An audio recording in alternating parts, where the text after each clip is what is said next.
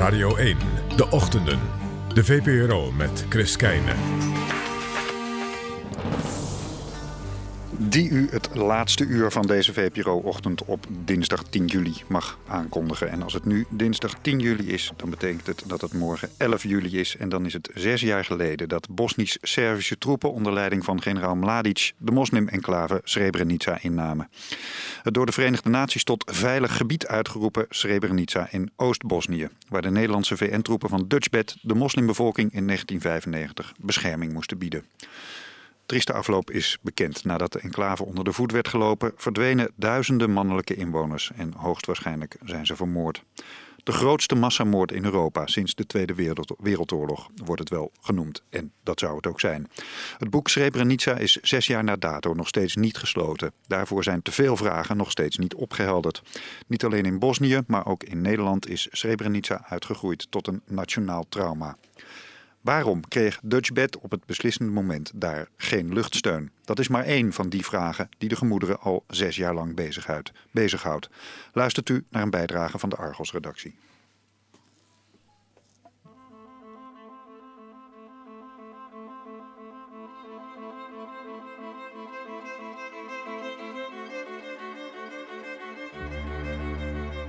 Srebrenica stad, het centrum van de moslimenclave Srebrenica... is bijna zeker in handen gevallen van de Bosnische Serviërs. De Nederlandse VN'ers hebben hun posities rond de stad verlaten... en vluchten naar hun hoofdkwartier in het nabijgelegen Potocari. Srebrenica-stad wordt nu niet meer verdedigd. Tienduizenden inwoners van de belegerde stad zijn op de vlucht geslagen. Duizenden proberen onderdak te vinden bij de VN in Potocari. Anderen zijn de bossen ingetrokken.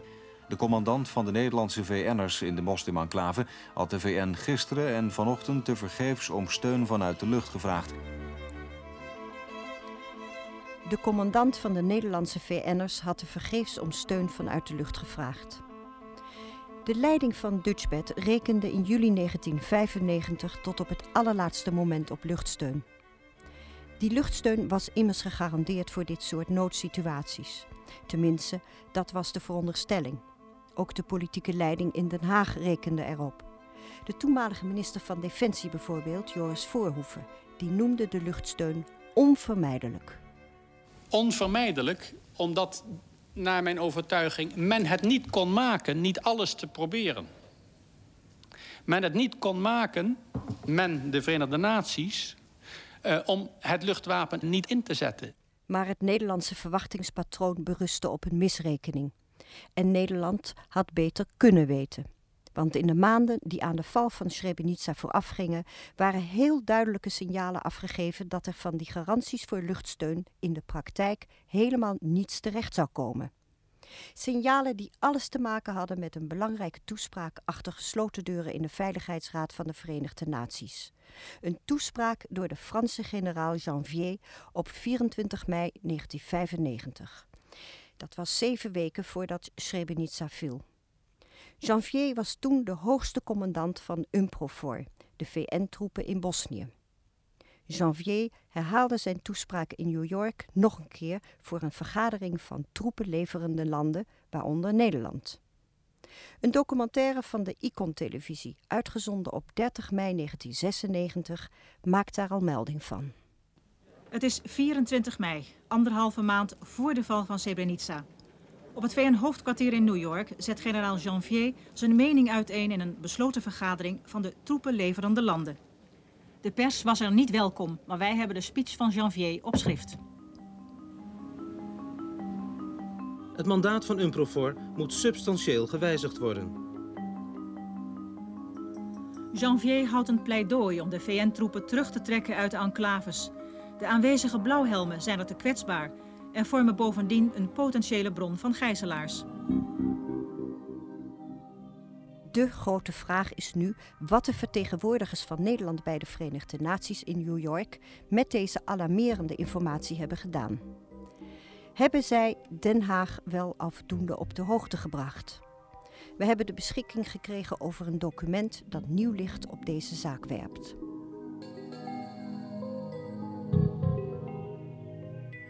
Maar eerst terug naar die beslissende episode eind mei 1995 Die is uitvoerig gereconstrueerd door de Nederlandse onderzoeker Jan Willem Honig. Hij is universitair docent aan het Department of War Studies in King's College in Londen en auteur van het boek Srebrenica, reconstructie van een oorlogsmisdaad. Honig vertelde daarover in onze uitzending van 13 oktober vorig jaar. Het grote probleem van generaal Janvier en zijn directe ondergeschikte generaal Rupert Smith is de enorme kwetsbaarheid van de VN-troepen. En ze verwachten dat als het conflict weer opleeft, dat de Serviërs eh, heel gemakkelijk gijzelaars kunnen maken die dan uh, een mogelijk VN-ingrijpen of een mogelijke VN-reactie zouden lam leggen. En wat generaal Janvier dan in New York betoogt is dat die kwetsbaarheid verminderd wordt door het reduceren van het aantal troepen in uh, de veilige gebieden in de enclave. Ja, maar wat stelt hij precies voor? Je hebt te maken met een paradoxale situatie. Dat het is in wezen kun je die veilige gebieden, Srebrenica en ook Jepa, makkelijker verdedigen met weinig troepen daar dan met veel troepen. Veel troepen maakt het kwetsbaar. Uh, weinig troepen en met name uh, als je daar forward air controllers houdt, mensen die vliegtuigen naar doelen kunnen geleiden zodat ze de bommen raak uh, op, op andere troepen gooien. Ja, dat zijn die, militaire specialisten aan de grond die dan gewoon kijken waar die doelen zijn en die dan middels communicatie... Aanwijzen Middels communicatie die vliegtuigen aanwijzingen geven eh, waar ze die bommen moeten lanceren. Precies. Dus de, de, de Dutch batters weghalen, zeg ik maar even. En dan daarvoor ja, de, de hoofdmacht van de Dutch batters weghalen. En dan een paar forward je, air controllers daar laten. Ja. Zodat je, als dat nodig is, luchtaanvallen kunt uitvoeren. Ja. Madeleine Albright, die toen ambassadeur voor de Verenigde Staten bij de VN was, verzette zich fel tegen het plan van Janvier. Hetzelfde deed ook de Nederlandse ambassadeur bij de VN, Nick Biegman. Het verzet van de Verenigde Staten betekende dat Janviers plan door de Veiligheidsraad niet werd goedgekeurd. Dus moest Janvier terug naar Joegoslavië zonder dat er iets werd gedaan aan de kwetsbaarheid van de VN-troepen in de Bosnische enclaves. Deze uitkomst was voor Nederland hoogst alarmerend, want de keerzijde van Janviers standpunt was duidelijk. Als de VN-troepen wel in de enclaves bleven, dan kon er absoluut geen sprake zijn van luchtsteun wanneer ze werden bedreigd. Vanwege hun kwetsbaarheid. Conclusie: Dutchbed kon luchtsteun bij een eventuele aanval op Srebrenica wel vergeten.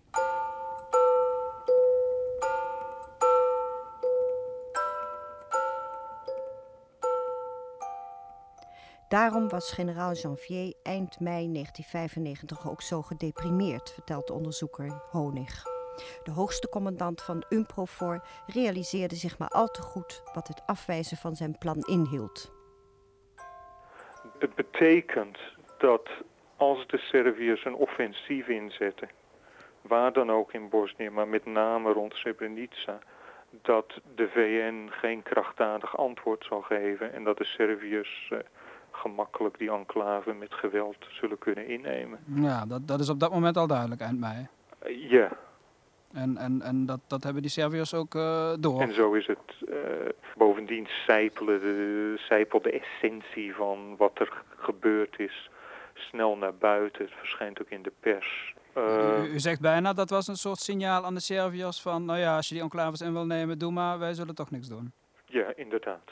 Die, die val van die enclave die is eigenlijk uh, eind mei is die eigenlijk definitief begonnen. Ja, het is duidelijk eind mei dat de Serviërs de kaart uh, kunnen simplificeren door die enclaves in Oost-Bosnië in het midden van hun grondgebied op te ruimen. Ja. En dat de internationale gemeenschap hoogstwaarschijnlijk daar geen halt aan toe zal roepen.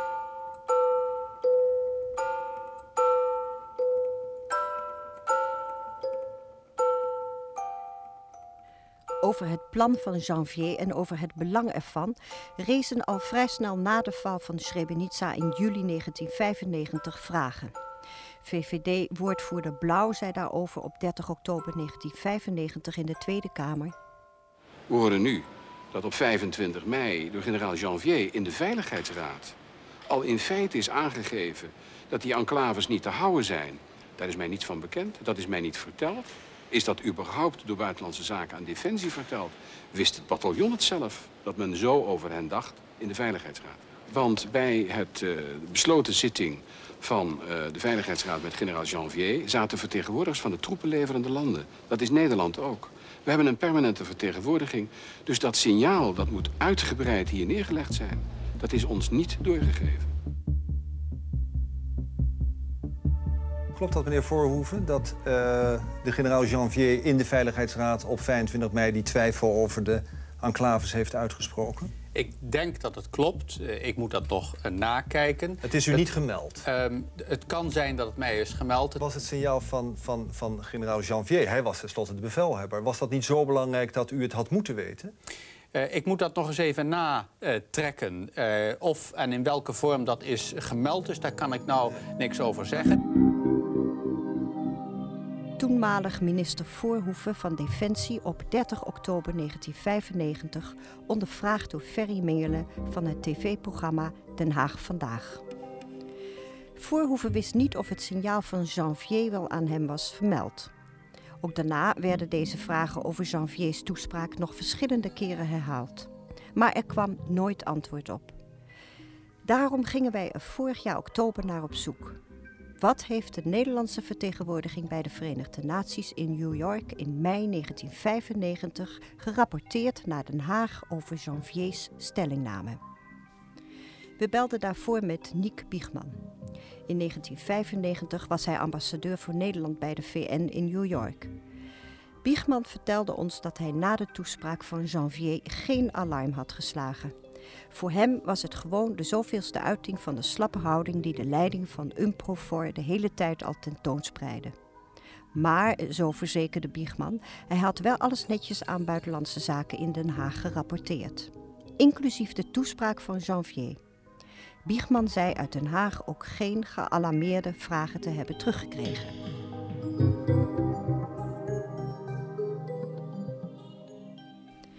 We werden des te nieuwsgieriger.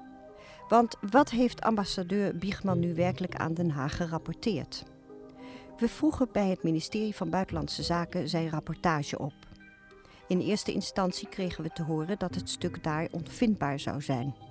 Daarna werd het bestaan ervan wel bevestigd, maar het was vertrouwelijk. Uiteindelijk was er een beroep op de wet openbaarheid bestuur voor nodig om het document in handen te krijgen. En dan blijkt dat Biegman zijn superieuren in Den Haag op een wel heel bijzondere manier heeft gerapporteerd over de bijeenkomst met generaal Janvier. Het rapport, gedateerd op 25 mei 1995, is bestemd voor de minister van Buitenlandse Zaken en voor de minister van Defensie, de chef Defensiestaf en de directie Algemene Beleidszaken bij Defensie. Opvallend is vooral wat Biegman niet vertelt. De essentie van het betoog van de Franse generaal is in Biegmans rapportage niet terug te vinden. Er is ook geen enkel citaat van Janvier in het verslag opgenomen. Slechts heel sumier stipt Biegman enkele elementen uit diens voorstel aan. Steun van de NAVO noemde de Force Commander essentieel. Close air support was van groot belang. Aanwezigheid van het luchtwapen was bij tijden redelijk nuttig geweest. Janvier zou aansturen op herontplooiing van de Umprofor-troepen. En? Tevens zou de kwetsbaarheid moeten worden verminderd. Janvier gaf aan weinig te zien in personele versterkingen. Biegman maakt duidelijk dat hij dit moreel verwerpelijk vindt. Zelf heb ik vooral gewezen op het belang van het herstel van de waardigheid en geloofwaardigheid van de VN-macht. Abandoneren van safe areas was daarmee in tegenspraak. De tijd was daar om de vernederingen door de Bosnische Serven, zoals de Nederlanders in Srebrenica dagelijks ervaren, een halt toe te roepen. Ook de rest van Biegmans weergave van wat de Franse bevelhebber van de VN-vredesmacht in Bosnië heeft betoogd, is sterk gekleurd door de persoonlijke mening van de Nederlandse ambassadeur. Zo merkt hij cynisch op. Voor wie het nog niet wist, de huidige situatie in Bosnië was onhoudbaar. Een militaire oplossing was niet mogelijk. De situatie in de oostelijke enclaves noemde generaal Janvier onacceptabel. Als uitkomst verwacht Biegman behoud van status quo met wellicht toch een wat steviger optreden.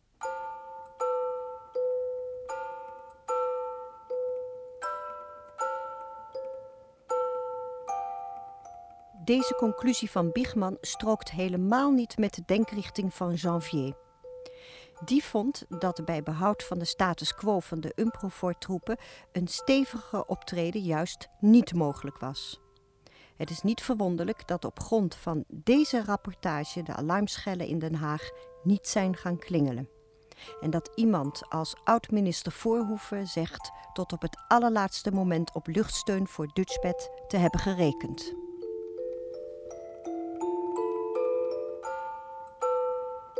Naar mijn overtuiging kon men het niet maken niet alles te proberen. Kon men het niet maken, men, de Verenigde Naties, uh, om het luchtwapen niet in te zetten.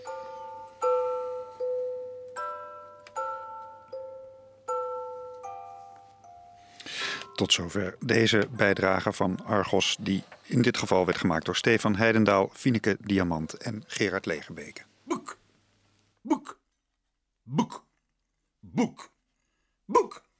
Wat is het nou wat ik wou leren lezen of lezen leren? En weet ik niet hoe het zit, dan, dan, dan, dan zeg ik dit.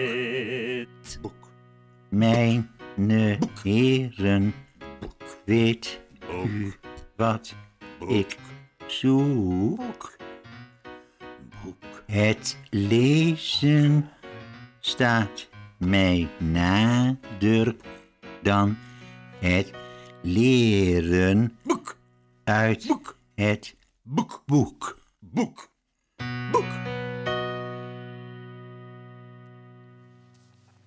Een bijdrage van akoestisch medewerker Anton Kothuis. En daarmee is het u wellicht duidelijk dat dit de VPRO nog steeds is op Radio 1. Dat gaat nog door tot 12 uur met nog één onderwerp. Wanneer u uh, in Amsterdam woont en u vraagt zich af wat er allemaal voor merkwaardige types op straat lopen, dan kan ik u uit de droom helpen. Dat zijn 1700 onderzoekers uit de hele wereld die daar zijn voor de conferentie Challenges of a Changing Earth, die daar vanochtend begonnen is. En daarin moet het laatste woord gesproken worden, althans het laatste woord dat nu gesproken kan worden over hoe dat dat nu eigenlijk zit met onze aarde en met de klimaatverandering. Niet onhandig, vooral ook omdat over twee dagen in Bonn verder gepraat wordt over het Kyoto-verdrag. Maar ook voor de gewone krantenlezer is er geen touw meer aan vast te knopen. Ik pak even de Volkskrant van zaterdag. Die heeft een groot opiniestuk uh, van twee gerenommeerde wetenschappers... die uh, met kracht van argumenten betogen dat er helemaal geen verband is... tussen CO2 en klimaatverandering. En de NRC van diezelfde dag, groot verhaal over, onder de kop. Het ergste komt nog, de onontkoombare opmars van het broeikaseffect. Goed, hoe zit het? In januari van dit jaar spraken de Verenigde Naties het verlossende woord, leek het. De mens is de veroorzaker van de jongste klimaatveranderingen... zoals extreme regenval, extreme droogte, orkanen, stijgende zeespiegels en ander onheil. Dat was althans de conclusie van een studie van het IPCC, het Intergovernmental Panel on Climate Change. En dat is het instituut van de Verenigde Naties dat onderzoek doet naar klimaatverandering. Hoewel er dus brede consensus lijkt te zijn over de vergaande invloed van de mens op het klimaat, zijn er toch ook wetenschappers die vinden dat de rol van de mens niet zo duidelijk is aan te wijzen. Klimaatveranderingen, zeggen die onder meer, moet je bekijken over vele miljoenen jaren. En zo lang zijn wij er nog niet. Een van die wetenschappers is professor Dr. Salomon Kronenberg, hoogleraar geologie, verbonden aan de Technische Universiteit van Delft. En Dr. Rob van Doorland is klimaatonderzoeker bij het KNMI en hij onderschrijft de conclusies van de Verenigde Naties. Beiden zijn nu hier en Ger Jochems spreekt met hen. Goedemorgen heren. Goedemorgen. Nou, de bedoeling van die conferentie dus de komende vier dagen is om allerlei nieuwe, nieuwe wetenschappelijke inzichten in klimaatverandering te presenteren en daar hopelijk wat conclusies uit te trekken. Ik denk dat je al nu al één conclusie kan trekken. Als de discussie van er is een relatie tussen mens en verandering of hij is er niet, als die zo heftig, fel en rabiaat en bijna op de man afgespeeld wordt, dan kan het alleen maar omdat we veel te weinig weten. Nou, wat weten we nou eigenlijk wel? Daar moeten we de komende minuten over gaan hebben. Even nog één aardig nieuwtje. Een, van de wetenschappelijke inzichten die vandaag gepresenteerd eh, zal worden, is een hele merkwaardige, vond ik. Uh, namelijk als wij in der tijd, als de industrie in der tijd besloten had om geen CFK's, gassen in bijvoorbeeld spuitbussen te stoppen, maar broom, dan hadden we helemaal geen ozonlaag meer gehad. Op Door Doorland. Is dat, klinkt dat uh, betrouwbaar? Dat klinkt uh, betrouwbaar, ja. Ik denk dat, uh, dat voornamelijk broomatomen Want wat bijzonder is broom? destructief... Broom is een, een, een atoom. net zoals als chloor dat is. en het ene atoom tast de ozonlaag wat, wat meer aan dan, dan het andere atoom. Hmm. En het is zo dat zowel broom als chloor... dus vernietigend werk op de, op de ozonlaag, hoger op in de atmosfeer. Ja. En uh, ik ben inderdaad ook blij dat er geen broomhoudende stoffen zijn gebruikt hiervoor. Ja. ja. We zijn dus eigenlijk, uh, hoe moet dat nou netjes zeggen? Uh, via een toeval aan de dood ontsnapt. Door het oog van de naald. Door het oog van de naald. ja, door het oog van de naald. Uh, ik bedoel, we hebben die chloorhoudende stoffen gehad. Uh, daar is gelukkig, zijn er afspraken gemaakt internationaal om die stoffen niet meer te emitteren. Hmm. En dat, dat heeft effect. Uit dat kunnen we ook. Ja, ja, uit, ja precies. Dat, dat, dat heeft effect. Want we hm. zien nu de, de CFK-componenten teruglopen in de atmosfeer. Ja, ja professor Kronenberg, dit geeft toch wel een beetje voedsel aan mensen die zich met enige regelmaat bezondigen aan het opstellen van rampscenario's. Uh, ja. Dan zie je wel, bijna waren we er aan geweest. Uh, maar je ziet voortdurend in de, in de hele menselijke geschiedenis van de laatste 50, 100 jaar dat we bezig zijn met experimenten uit te voeren waarvan we de uiteindelijke uitkomsten niet kennen. Het, hm. Eh, het inbrengen van CO2 in de atmosfeer is dat, is dat één, is dat, maar ook het terugbrengen van het CO2 van gehalte in de atmosfeer waar we ons nu sterk voor maken, is eigenlijk net zo'n experiment waarvan we niet weten of dat nu inderdaad het gewenste effect heeft. Ja. Dat is punt één. En, en dan vragen we van, uh, is dat gewenste effect iets, uh, voor hoeveel jaar is dat? Is dat uh, ja. gaat het over een eeuw? Uh, gaan we praten over vier generaties? Zijn die effecten dan, hebben die, gaan die nog in dezelfde richting als we praten over tien of over honderd generaties? Het, nou. het, punt is dat wij gewoon heel moeilijk ons los kunnen maken van het hier en nu. En kunnen nagaan of, of wat we nu doen het, waarvan we denken dat het nu het goede is wat we doen, of dat niet op lange termijn juist het verkeerde is. Ja, je kunt alleen maar iets zeggen over de waarde van dat soort uitspraken als je ook weet wat je weet. En wat weten we nu eigenlijk? Exact. Het klimaatverandering, meneer Doorland, die wordt veroorzaakt door ongeveer twaalf elementen, twaalf effecten. De, uh, menselijke, de menselijke klimaatverandering. ja, maar er zijn natuurlijk ook uh, natuurlijke uh, klimaatverandering. Laten we het daar eerst eens over hebben. Je hebt bijvoorbeeld cyclische, cyclische ontwikkelingen, zoals El Nino. Dat is die, hè, die veranderende stroom. Mhm. Eh, wat is het effect daarvan? Het effect daarvan is dat uh, in El Nino-jaren de, de, wereldgemiddelde temperatuur wat hoger uitvalt. Hm. En dat kunnen we terugvinden in de waargenomen temperatuurreeks van de afgelopen 150 jaar. Ja, ja. En daar zijn schattingen van gemaakt. Uh, met een collega uh, heb ik daar onderzoek naar verricht. En we zijn tot de conclusie gekomen dat, dat, een, dat El Nino en de tussenliggende La Nina's, dat zijn de koude periodes, dat die een significant effect hebben op de wereldgemiddelde temperatuur. Ja, ja. Uh, een andere natuurlijke oorzaak van klimaatverandering zijn vulkaanuitbarstingen. Professor Kronenberg, uh, wat, hoe moet je dat effect inschatten? Zijn er zijn mensen, wetenschappers, waarvan anderen weer zeggen dat zijn helemaal geen wetenschappers, dat zijn clowns. Dat is maar een voorbeeldje van hoe de discussie wel eens gevoerd wordt. Die alles toeschrijven aan die vulkaanuitbarsting. Nou, kijk, vulkaanuitbarstingen die hebben in de eerste plaats als heel belangrijk effect dat uh, deeltjes in de lucht worden geworpen. Deels uh, vulkanische asdeeltjes, maar vooral ook druppeltjes SO2, dus zwaveldioxide, die zich omzetten met water in kleine druppeltjes zwavelzuur. En die hebben een soort versluierend effect op het uh, op het zonlicht. Hè. Het is bekend dat in jaren waarin uh, hele grote vulkanische erupties zijn geweest, die veel materiaal in de stratosfeer hebben geworpen, dat daar aanmerkelijke verkoeling is opgetreden. Hè. Het meest kenmerkende voorbeeld is het jaar 1816, hè, het jaar zonder zomer. Hè, toen het in juni en juli nog op onze breedte vroor en de graanoogsten mislukt zijn. En die hebben dus ook wereldwijd een verkoelend effect op, op, de, op de temperatuur. Maar dat is binnen een jaar of een aantal jaren is het effect van zo'n grote eruptie wel weer grotendeels verdwenen. Ja, ja. Uh, dan heb je, als we het e- eventjes op die verwarming, dan die, die temperatuurstijging doorgaan. Dan heb je natuurlijk ook twee effecten die elkaar dan wellicht opheffen, zeggen sommigen. Namelijk, uitstoot van uh, het verbranden van fossiele brandstoffen geeft CO2 in de lucht en dat zorgt voor het broeikaseffect. Aan de andere kant, door die verbranding komen er ook stofdeeltjes in de lucht en die reflecteren het zonnelicht weer, waardoor de zaak uh, de temperatuur weer daalt. Houdt dat elkaar in evenwicht en kun je dus zeggen, er is niets aan de hand daar? Uh, het vermoeden is dat het elkaar uh, in het verleden niet in evenwicht heeft gehouden. Uh, misschien voor 1950, maar na 1950 niet meer. Nee. En de reden daarvoor is dat er steeds schonere brandstof werd gebruikt. bijvoorbeeld het verbranden van, van aardgas. Dat geeft veel minder SO2 dan het verbranden van, van olie. Ja.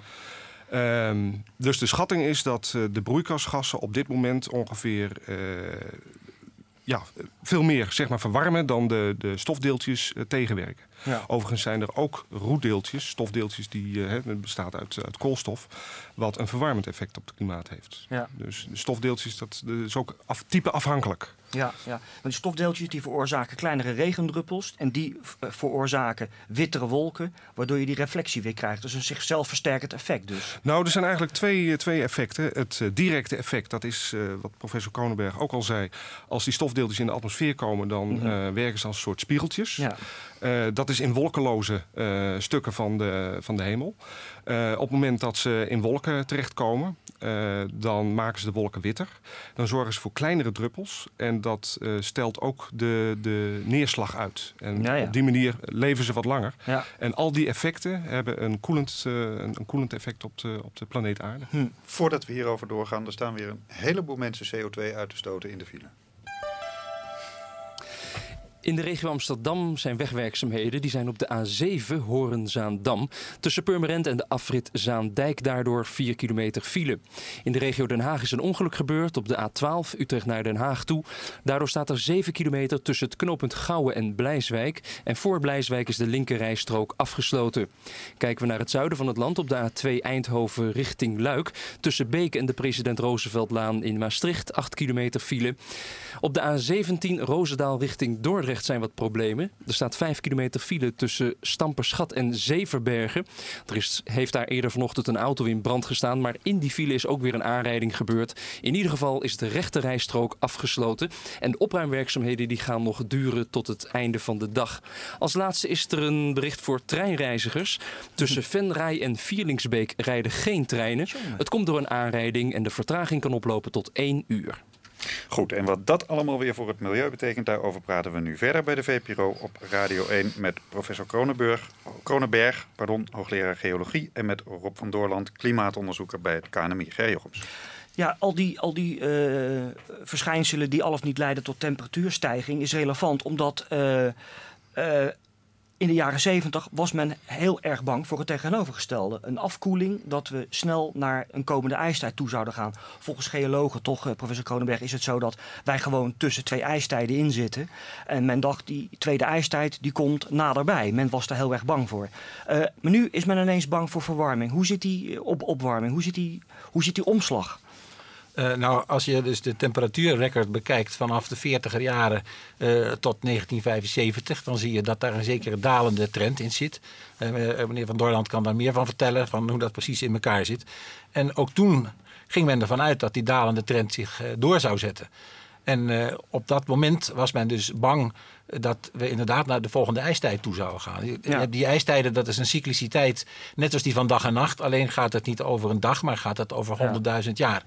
De warme perioden duren ongeveer 10.000 jaar en de koudere perioden die zijn ongeveer 9.000 jaar.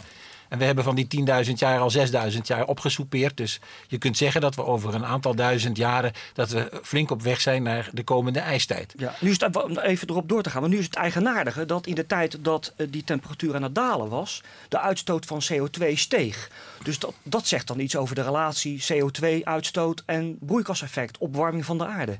Nou, daarom is het eh, van belang om alle factoren uh, mee te nemen bij een uh, schatting voor de menselijke invloed. Hm. En dat hebben wij dus gedaan. We hebben gekeken naar de afgelopen 150 jaar. We hebben gekeken naar de effecten van El Nino, vulkaanuitbarstingen en veranderingen van zonneactiviteit.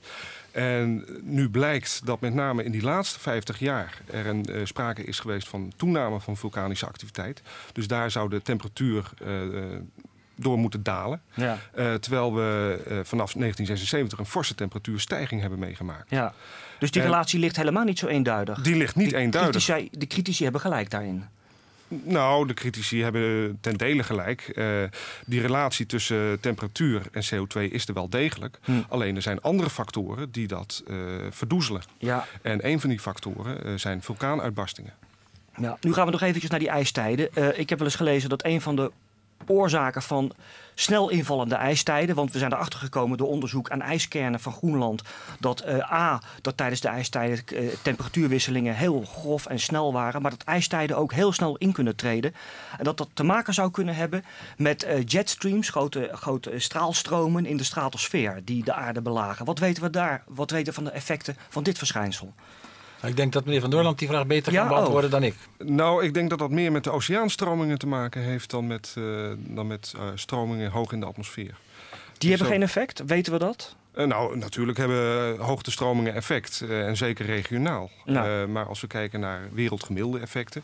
dan is denk ik de, de oceaancirculatie... de snelheid waarmee zeg maar, het water rondgepompt wordt door de wereldoceaan... Ja. is van belang voor het, het wereldgemiddelde klimaat. Ja, maar wat weten we van die effecten dan, professor Kronenberg? Want je hebt, om even te noemen, je hebt horizontale stromingen... waar bijvoorbeeld de warme golfstroom op grond van Van Wij... een redelijk klimaat hebben, deel van uitmaakt. Maar je hebt ook verticale water wat er vanuit Florida komt, gaat richting uh, Groenland. Aan de weerszijde van Groenland duikt het de diepte in. Het water dat wordt, uh, het koelt af, het wordt, het wordt zouter door de vorming van ijs. En daardoor gaat het dus de diepte in. En da dat stroomt als een soort onderstroom, stroomt dat weer naar het zuiden terug. Ja. En dat is wat ze noemen die thermohaline circulatie. Die dus een uh, hele belangrijke component is van de temperatuurregeling van de, van de hele aarde. Ja. En er zijn aanwijzingen, en dat is wat de onderzoekers die in die Groenlandse ijskap hebben gewerkt, vooral hebben aangetoond. Uh, dat is uh, dat die circulatie plotseling om kan slaan.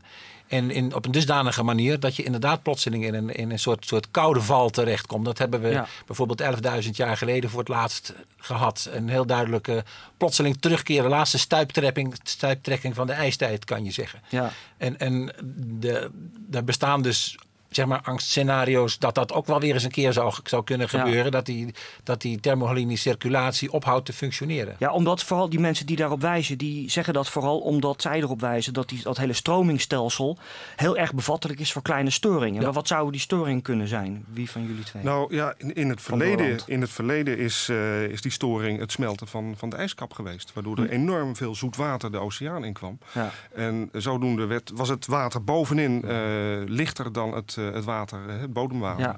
Dus werd er, stopte die pomp. Ja. Uh, nu zou het gevaar kunnen zijn dat uh, via enorme neerslagtoenames uh, dat water ook zeg maar wat lichter zou kunnen gaan worden. Ja. Waarmee de, de pomp wat langzamer zou werken of, of helemaal zou stoppen. Ja. Overigens is dat maar heel dat is allemaal, moeilijk. Dat is allemaal gespeculeerd eigenlijk, hè? Dat is in feite speculatie. En, omdat en we... al was het dat niet, daar kun je toch niks, niks aan doen. Daar kunnen, we, nee, daar kunnen we niks aan doen. En zelfs onze modellen zijn niet geschikt om, dat, om dat te bestuderen. Nee. En, en, en een van de problemen is ook dat op de, de ijskap van Antarctica die schommelingen eigenlijk nauwelijks teruggevonden zijn. Dat zijn vooral gegevens die komen uit de ijskap van Groenland. Ja. Dus het is mogelijk dat je daar eerder lokale dan wereldwijde effecten te pakken Ja, hebt. ja, zometeen gaan we naar het, samen, naar het verband kijken tussen al deze zaken. Iets waar we denk ik ook weinig greep op hebben, is de intens- intensiteit van de zonnestraling. Die wel heel belangrijk, als een heel belangrijke factor gezien wordt, maar waar we uiteraard geen greep op hebben. Hoe, wat weten we daarvan eigenlijk?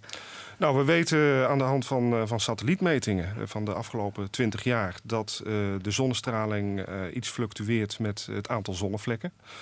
Dat is eigenlijk bijzonder weinig. Dat heeft een temperatuureffect van enkele honderd, honderdsten graden. Dus dat is een fractie van een graad. Dus dat, is, daar, dat zet geen zoden aan de dijk. Uh, eventuele langzame variaties in zonneactiviteit... die kunnen mogelijk wel wat, wat meer effect hebben op het, Ja. op het aardse klimaat. En wij zien zelf uh, aan een reconstructie van de langzame variatie van zonneactiviteit dat een toename van deze activiteit mogelijk verantwoordelijk is voor een deel van de opwarming van de aarde in het begin van de 20e eeuw. Dus Ja, ja. 1910 en 1945. Ja. Nu gaat het natuurlijk allemaal bij elkaar om eh, de onderlinge interactie tussen al deze verschijnselen en op de gevolgen. Ehm, wat weten we eigenlijk van, ja, van die onderlinge samenhang van deze factoren? Ik bedoel, wat we nu behandeld hebben, dat heeft een behoorlijk speculatief eh, gehalte al. Eh, laat staan, denk ik dan maar, op de onderlinge samen, eh, het verband. Ja, nou, wij noemen dit soort zaken zoals veranderingen in zonneactiviteit, eh, verandering van samenstelling in de atmosfeer. Dat noemen we externe eh, forceringen, externe factoren die het klimaat beïnvloeden. Ja. Ehm, vooralsnog eh, hebben we geen idee of denken we dat er geen verband is, onderling verband, tussen al die factoren. Hmm. Op de tijdschaal die we bekijken. we bekijken de laatste 100 tot 200 jaar. Uh, mogelijk is er op de, vele, op de, op de lange tijdschaal, in het, verre verleden, is er wel een, een verband. Ja, dat is natuurlijk ook de discussie. Hè? Dat mensen zeggen 150 jaar onderzoek, 200 jaar, dat is allemaal mhm. statistisch volkomen onzin. Op, je moet op geologische tijdvlakken kijken en dan praat je over miljoenen jaren. En daar hebben we geen gegevens over. Nou, er zijn in de eerste plaats wel gegevens over. En in de tweede plaats blijkt dat daar een aantal grote raadsels in zitten... die we op dit moment nog steeds niet goed kunnen uh, in de vingers krijgen. En dat is onder andere, we zien dat ook in het verleden... zonder dat de mens daar enige invloed op had... Hè, er een hele duidelijke relatie bestaat tussen de temperatuur op aarde... Hmm. en het gehalte van CO2 in de atmosfeer. En uh, dus dat broeikaseffect, dat is er eigenlijk altijd al geweest. En het is nog steeds niet duidelijk waarom hè, er nou ook door de natuurlijke processen zo'n koppeling bestaat tussen het CO2-gehalte enerzijds en anderzijds de, uh, de, de, temperatuur. We vermoeden dat de oceanen daar een belangrijke rol in spelen. Hè. Dus het, het, leven, de biomassa, hè, eencellige organismen die, in de, die, die, die eh, kalkskeletjes aanmaken in de oceanen. En daarbij komt CO2 vrij. Dat, dat, dat zijn dat zijn eh, aspecten die daar een rol in spelen. Maar op, tot, op dit moment weten we eigenlijk niet eens welk van de twee nu de sturende de factor is in, de, in dat verhaal. Nou, even doorgaand op, die lange op, de, op dat lange termijn. Daar weten we weten natuurlijk wel van klimaten van miljoenen jaar geleden door paleoclimatologie, onderzoek aan jaarringen, die ijskernen die miljoenen jaren oud kunnen zijn in Groenland, maar ook zeeslip en lucht gevangen in ijs, wat ook miljoenen jaren oud kan, kan zijn. Um, de de conclusies eh, eh, die je daaruit kunt trekken, welke zijn die bijvoorbeeld?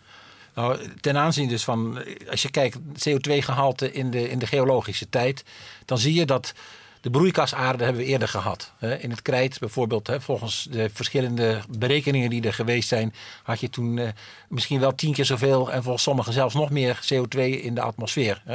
De, biosfeer heeft zich daaraan aangepast. Een van de aanpassingen aan dat hele hoge CO2-gehalte is dit, het ontstaan van bloemen. Dat, is, op dezelfde manier kan je ook als je verder terugkijkt in de geologische tijd, dat in een periode dat CO2-gehalte heel laag was, dat bomen hebben gereageerd door bladeren te ontwikkelen. Dus waarmee ze dus meer CO2 uit de lucht konden opvangen. Dus je ziet dat de biosfeer eigenlijk heel sterk reageert, ook op dat soort natuurlijke verschijnselen. En, en wat mij altijd weer fascineert, dat is om te zien dat het, het, het leven op aarde als het ware uh, steeds weer nieuwe uitvindingen doet hè, om het stress die ze ontvinden, eh, in hun omgeving uh, ondervinden, om daar op een creatieve manier mee om te gaan. Ja, Van Doorland, hoe zinnig is het nou om, om uh, vindingen over klimaatverandering miljoenen jaar geleden, om die door te trekken naar nu?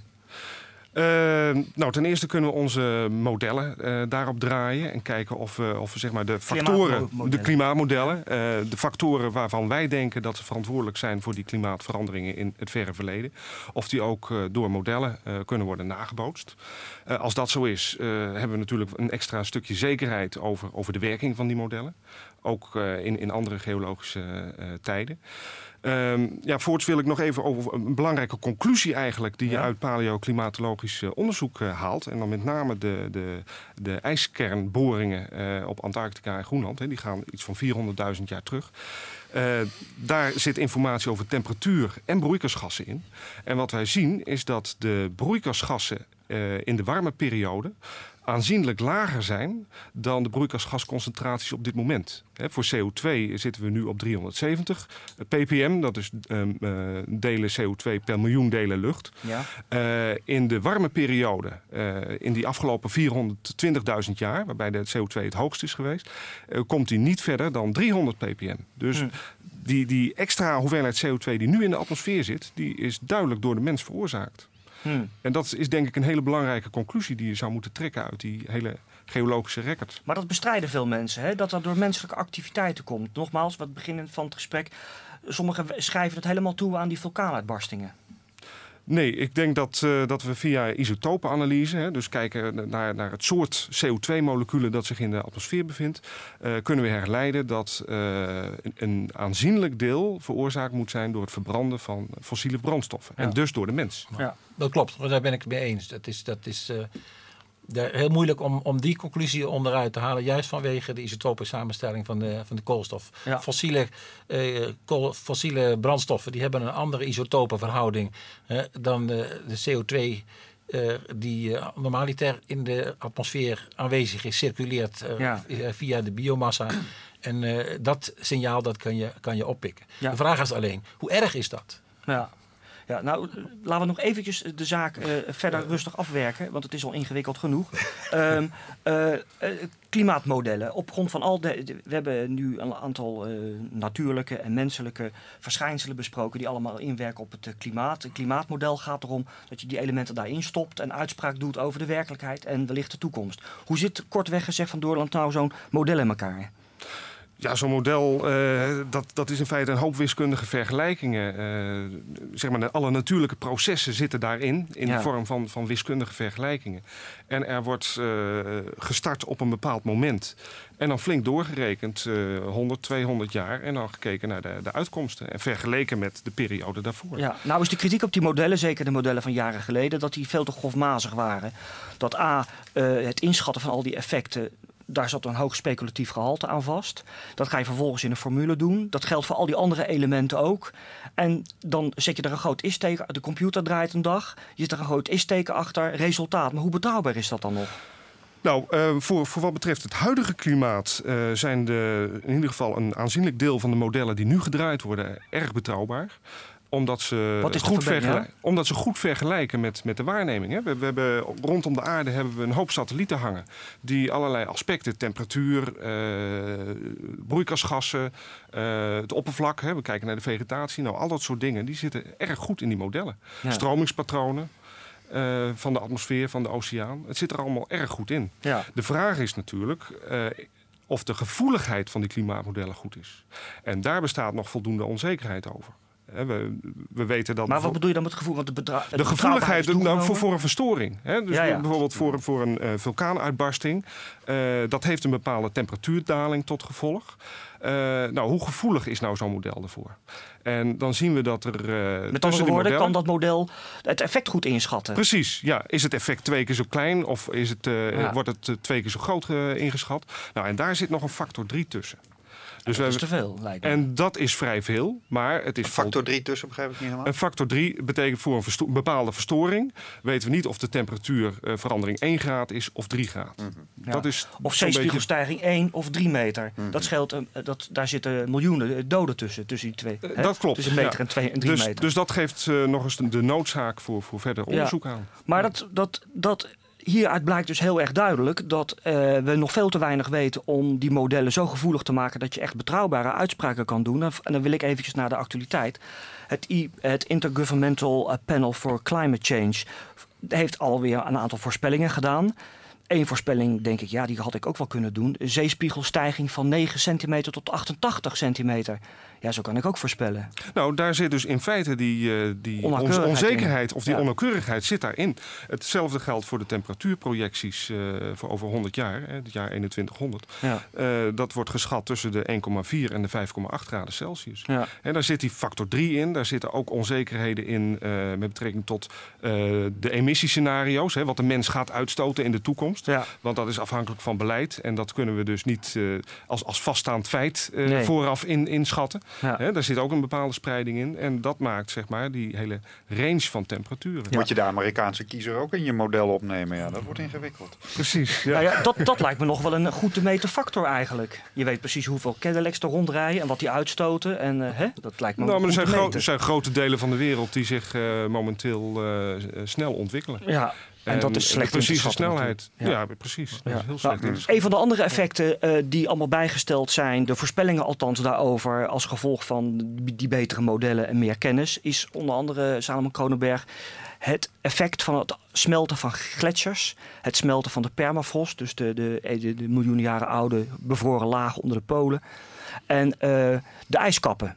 Eerst werd er gedacht van die, uh, de, de grote ijskap van de Zuidpool. Die donderstraalt ineens in de oceaan. En dan stijgt het water met drie meter. En dat betekent gewoon dat er een paar honderd miljoen mensen eraan gaan.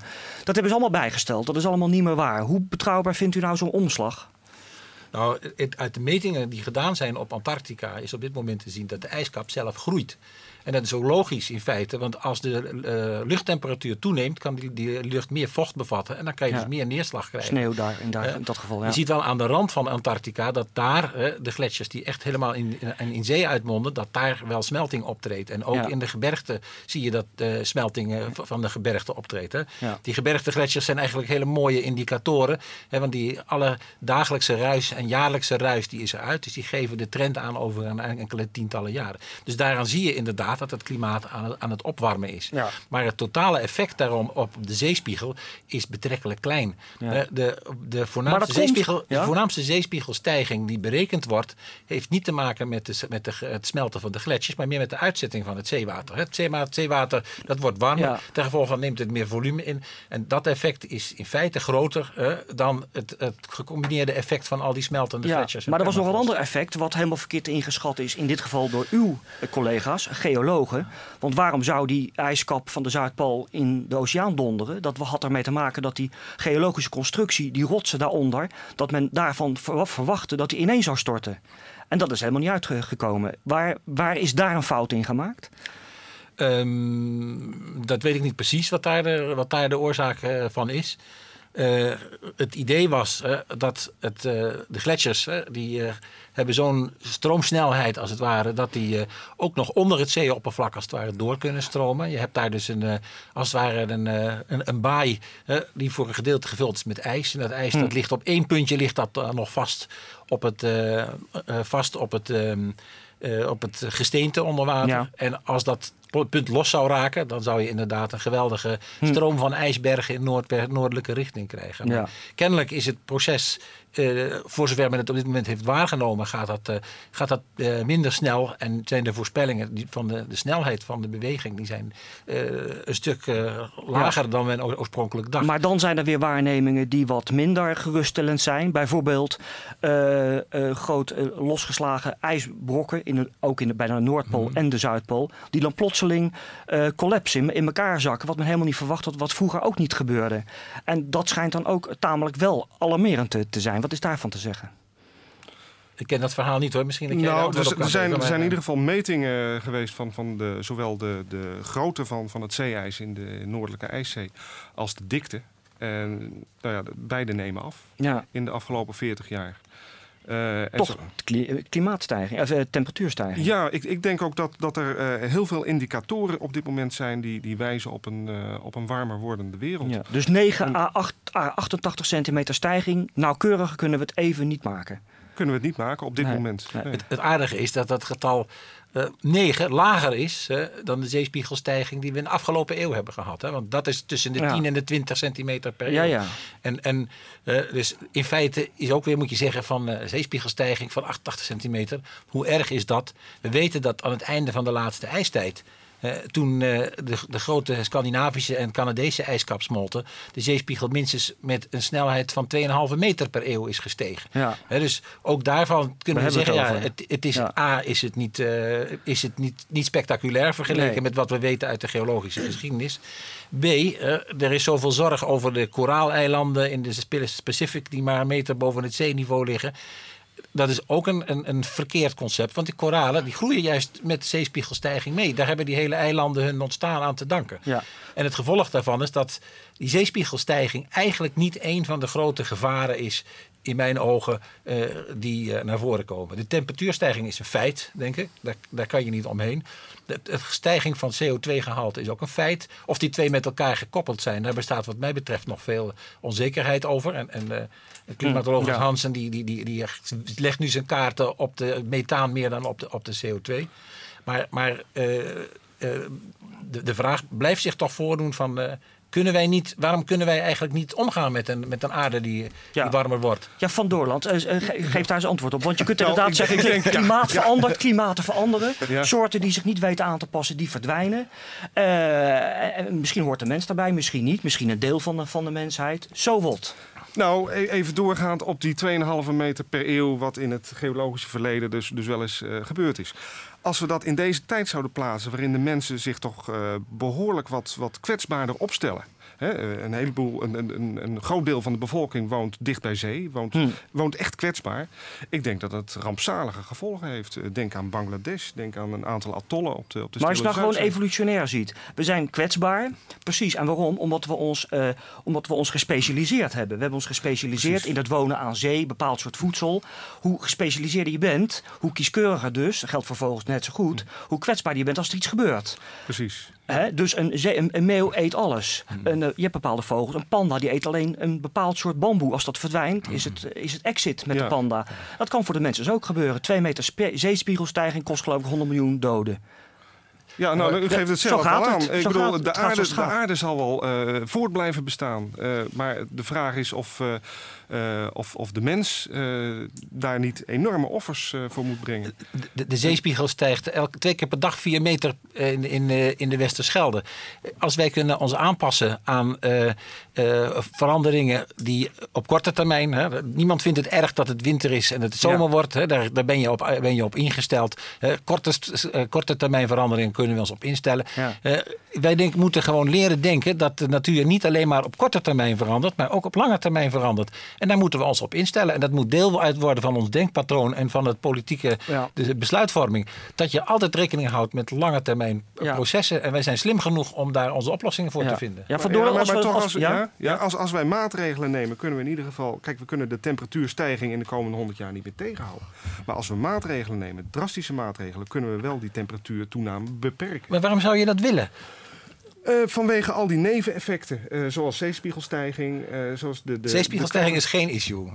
Nou, dat vind ik wel een issue. En een vergelijking met eb en vloed vind ik, vind ik flauwekul, eerlijk gezegd.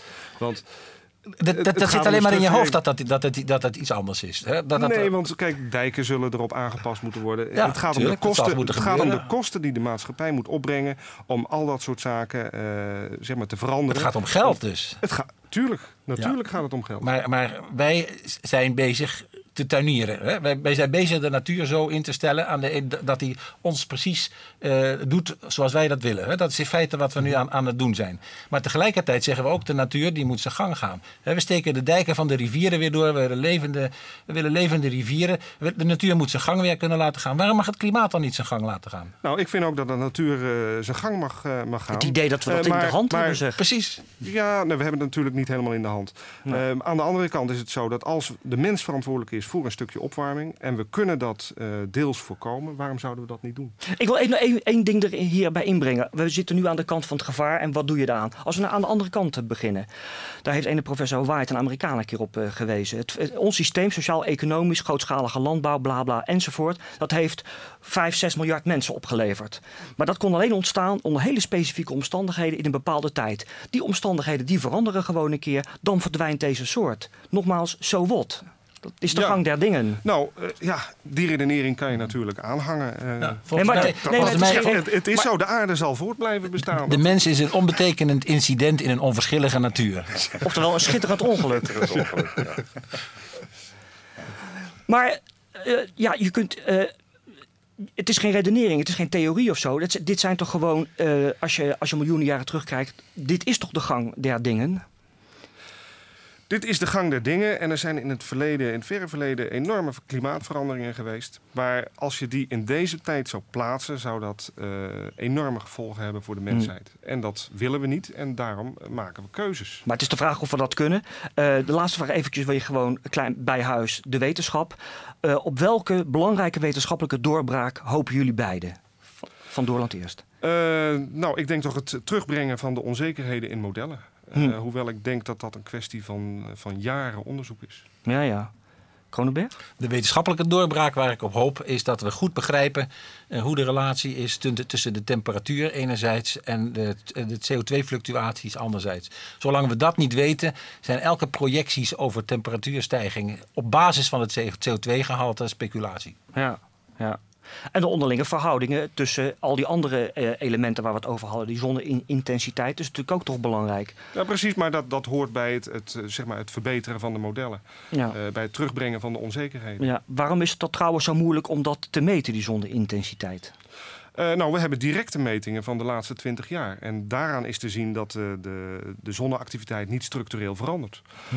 Eh, wij hebben, we, kunnen zeg maar die zonneactiviteit, de zon kunnen we vergelijken met andere sterren. En daar zien we dat dezelfde cycli, zonnevlekkencycli voorkomen en dat de activiteit wel verandert. Hm. Dus op basis daarvan uh, kunnen we zeggen dat de zon mogelijk uh, zeg maar een, een, stukje verantwoordelijk is voor, voor uh, die opwarming in de eerste helft van de, van de vorige ja. eeuw. Oké heren, hartelijk dank.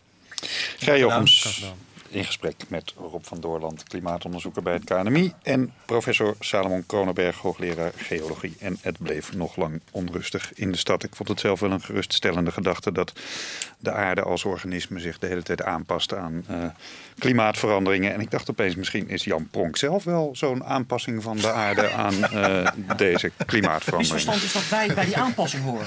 De tijd zal het leren. In ieder geval zit onze tijd voor deze VPRO-ochtend bijna op. Dat wil zeggen dat zometeen na het nieuws en de ster van 12 uur het Radio 1 Journaal het hier overneemt. De VPRO blijft wel in de ether, maar dat is dan via de frequentie 747 op uw middengolf met Wereldnet. Waar het zal gaan over de landen Argentinië, Jamaica, Oeganda en Spanje. En waar de presentatie in handen is van Dorothee Forma. Aanstaande vrijdag zijn wij er weer om 9 uur. En dat is de hele zomer op de vrijdag, althans de komende vijf weken nog. Is dat het marathon-interview en aanstaande vrijdag uw speciale aandacht. Want het is misschien de, uh, de beste mogelijkheid om het hele leven van Teun de Vries langs te horen komen. Geert Mak spreekt dan met deze Nederlandse schrijver. Aanstaande vrijdag om 9 uur. Dit was het voor nu. Hartelijk bedankt voor het luisteren en tot vrijdag.